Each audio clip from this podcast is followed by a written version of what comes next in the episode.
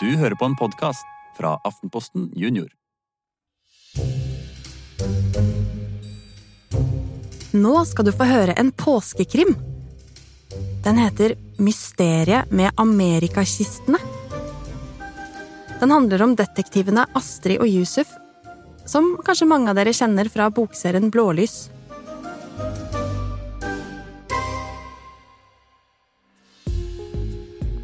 Kapittel 1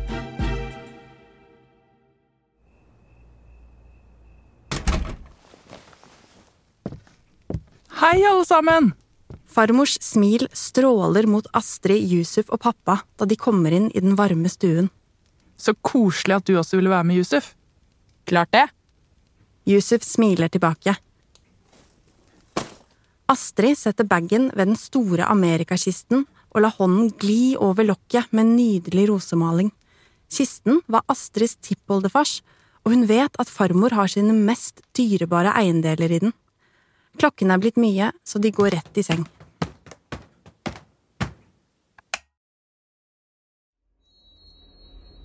Astrid våkner av et blått blink.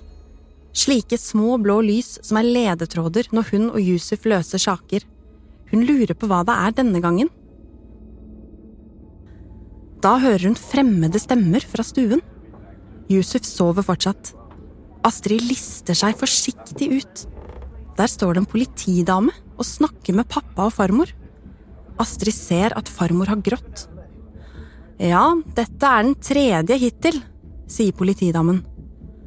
Astrid legger merke til at det er et tomrom der amerikakisten pleier å stå. Hva skjer? Yusuf stiller seg ved siden av Astrid. Han gnir seg i øynene. Astrid forteller at kisten er borte. Men tyvene har ikke stjålet iPaden eller noe annet. Nei, jeg fatter ikke hva som skjer, sier politikvinnen. Farmor trekker den turkise kimonoen godt rundt seg. Håndleddene, som vanligvis har klirrende armringer i mange farger, er nakne, og hendene hennes skjelver. Håret er bustete. Farmor tørker tårene og trekker ut en eske fra bokhyllen, full av gamle bilder og håndskrevne brev. Fingrene stanser ved et gammelt fotografi av to menn.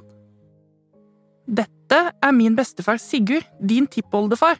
Den andre er Arne Peder Pedersen, som han dro sammen med til Amerika i 1899 for å finne arbeid. Dessuten var Sigurd utstøtt av familie og venner, for han snakket om ting som ville skje i fremtiden. Mennene sitter på huk ved siden av hver sin rosemalte kiste. I bakgrunnen skimtes enda flere kister. Astrid peker på bildet. Den kisten til venstre ligner på din. Farmor nikker og finner frem et slitt brev. Med sirlig håndskrift står det Hold disse to kistene samlet, og familiene vil gi form til en stor skatt i fremtiden.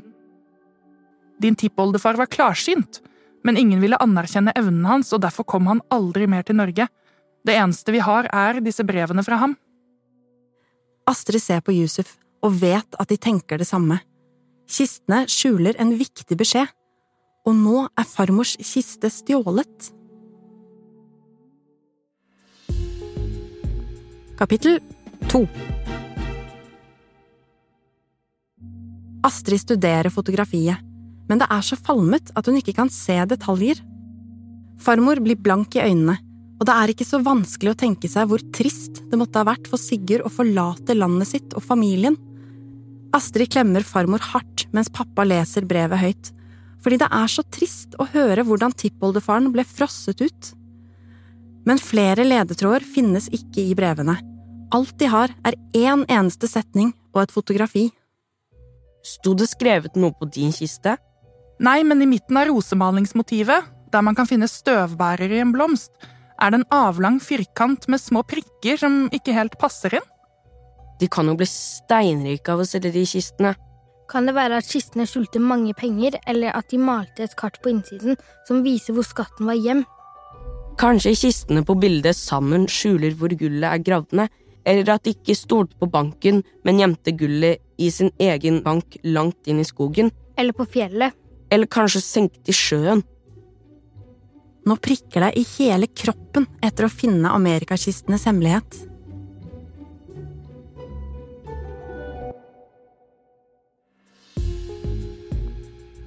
Kapittel 3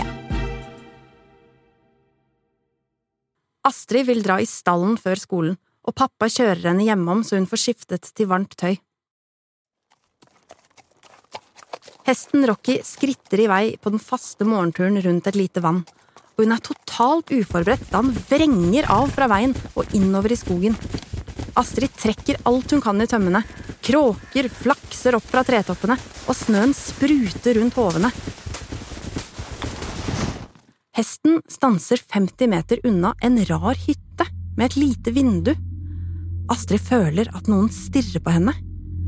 På tunet er det fotspor, og snøen er skrapt vekk der døren er åpnet. Det er ekkelt å være her. Denne gangen adlyder Rocky. Hun kommanderer ham til å snu og følge sporene i snøen tilbake til veien.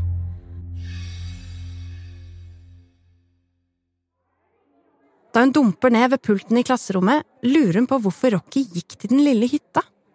Var det helt tilfeldig? Det hender jo at han bestemmer seg for å gå på nye steder uten at hun vil det.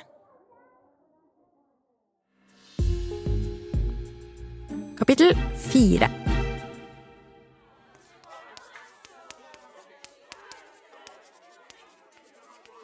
Da læreren kommer inn med en fremmed gutt, får hun noe annet å tenke på.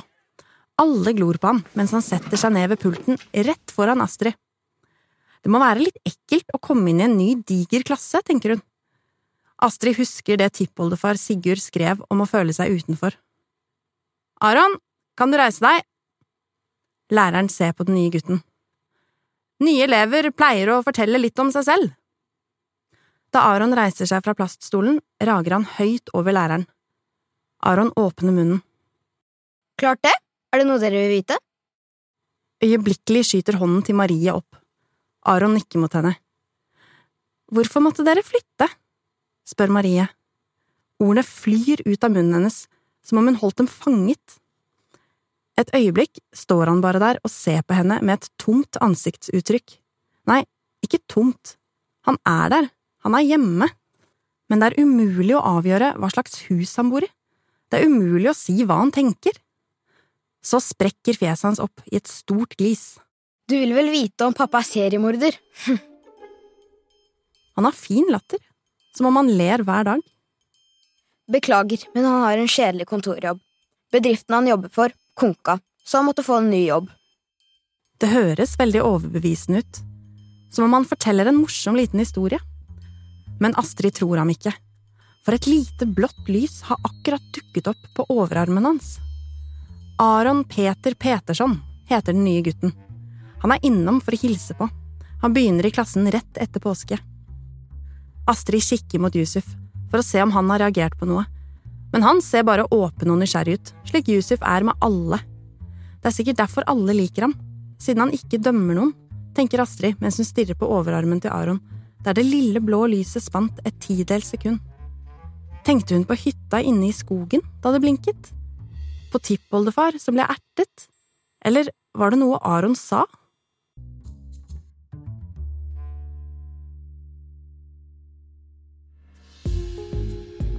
Kapittel fem Etter timen strener Yusuf bort til Aron. Yusuf har selv vært ny i klassen, så han vet jo hvordan det er. Aron er blid og lett å snakke med, og før Astrid rekker å tenke seg om, plumper hun ut om kisten til farmor som er stjålet, at hun og Yusuf har løst mange saker, at de har fått et nytt mysterium, at det passer med en ny sak rett før påske siden ingen av dem skal reise bort før langfredag, og at de nå har god tid til å være detektiver og finne kistetyvene. Av en eller annen grunn, som hun ikke er helt sikker på selv, lar hun være å fortelle om rideturen. Er det stjålet flere slike kister? Politikvinnen sa tre. Noen leter visst etter skatten som Sigurd skrev om i brevet. Ergo er det flere enn oss som vet om akkurat de kistene. Kanskje det er en dobbel bunn i kistene? Aron trekker opp ermene på genseren. I det samme fanger Astrid et nytt blålys som blinker på noen rare streker på underarmen hans. Hei, er dere med på en selfie? Astrid holder mobilen foran seg. Det er noe med Aron, og da er det jo kjekt å ha et bilde. Kanskje. Helt sikkert.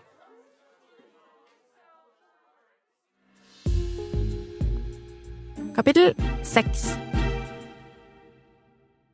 etter middag vil Yusuf at de skal forsøke å finne den merkelige hytta.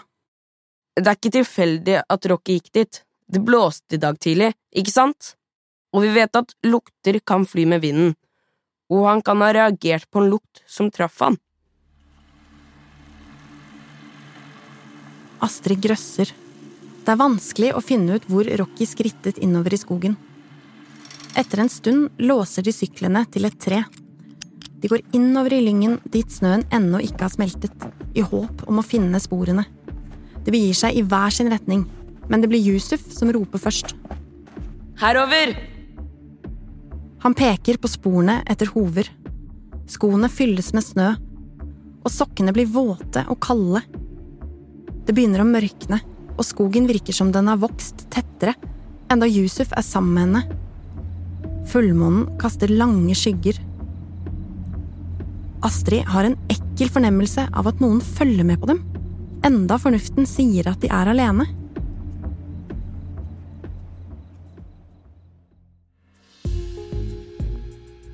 Kapittel 7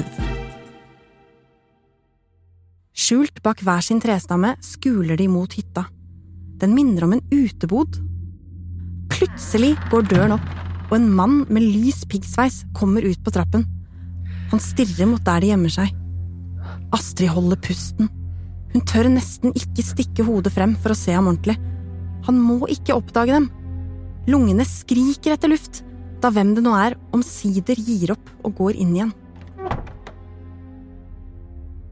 Det falt et papir ut av lommen hans. Vi må få tak i det. Problemet er bare at skrittene bråker så innmari mot snøen. Selv ikke mørket hjelper på akkurat det. Så hvordan skal de komme seg ubemerket helt bort? Yusuf kryper sakte. Først den ene hånden, så et kne, deretter den andre hånden, og det andre kneet følger etter. Astrid står klar med mobiltelefonen for å ringe etter hjelp dersom Yusuf blir tatt til fange. Hånden hans griper etter lappen, samtidig som hun ser skyggen av den fremmede mannen i ruten. Det er nesten ikke til å holde ut. Yusuf kommer seg tilbake til treet. Hva står det? Det ligner en liten huskelapp. Det er for mørkt til å lese, og de tør ikke tenne lommelykten på mobilene, enda så nysgjerrige de er. Med lappen i jakkelommen føles veien hjem helt uendelig lang.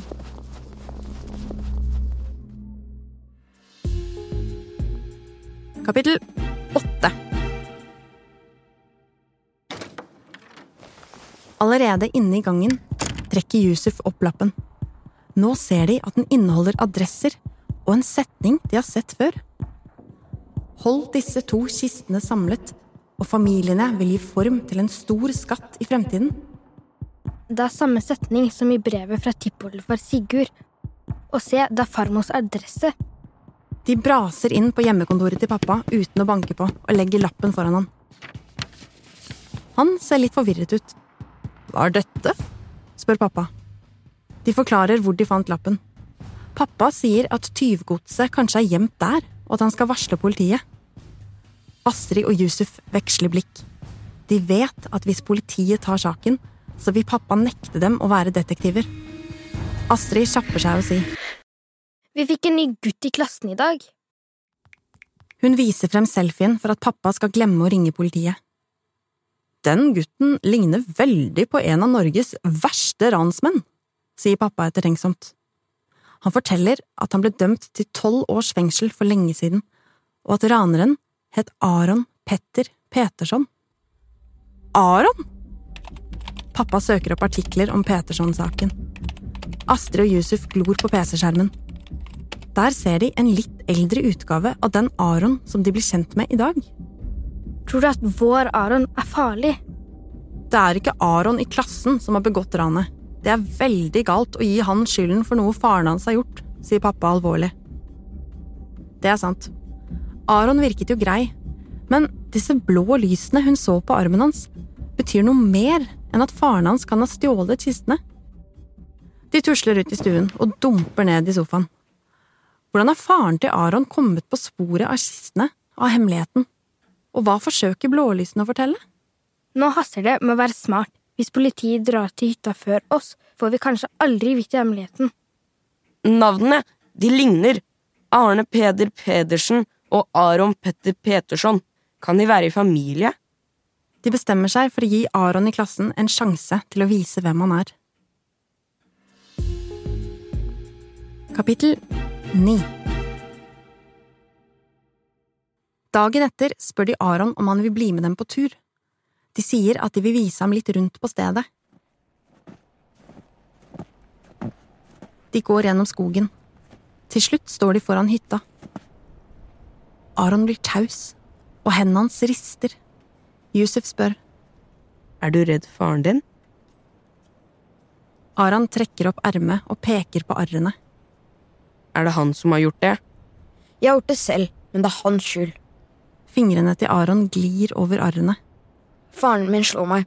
Det var så vondt å bli slått av en man er glad i, at jeg skadet meg selv for å holde det ut. Men hvor bor du nå, da?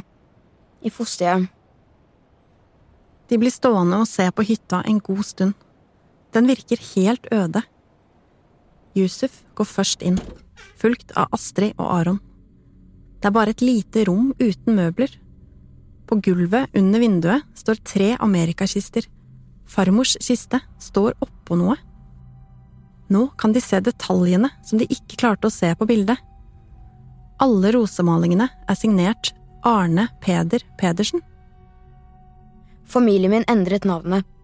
Vi ble til Aron Peter eller Petter, og etternavnet ble Peterson. Så ser de hva som står på et av lokkene. En dag skal komme da alle som gjør andre vondt, avslører seg selv.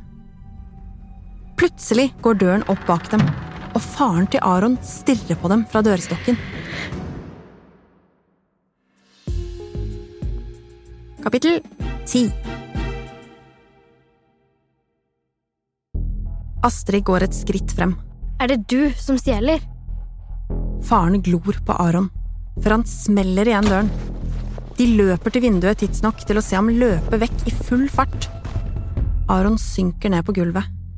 Astrid går bort til farmors kiste og studerer det rare rektangelet med prikker.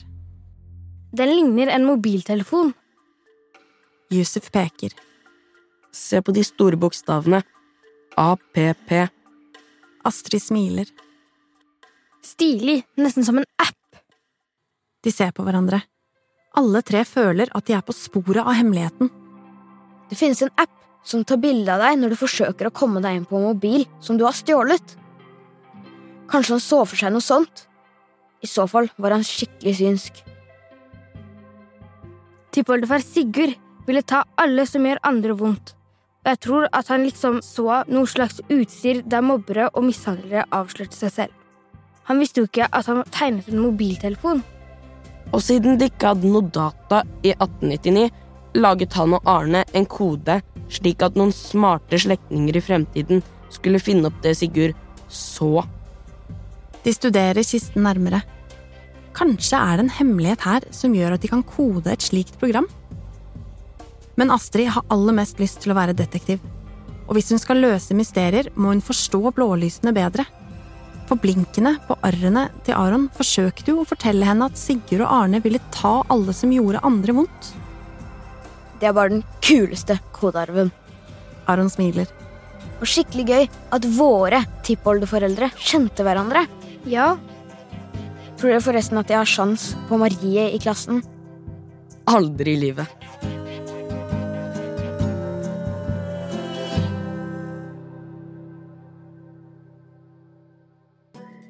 Du har hørt Mysteriet med amerikakistene. Den er skrevet av forfatter Hanne Kristin Rode sammen med Astrid og Oda, som vant skrivekonkurransen i Aftenposten Junior. Stemmene du hørte, var Linus Lunde Storløkken. Ingrid Samrano Lie. Mika Radzevicius Ringvold. Kristin Storusten. og meg, Kari Mette Hole. Vi i Aftenposten Junior ønsker dere alle sammen en God påske! Podkasten er produsert av Truls Rokiki og Filt. Ansvarlig redaktør er Mari Midtstigen.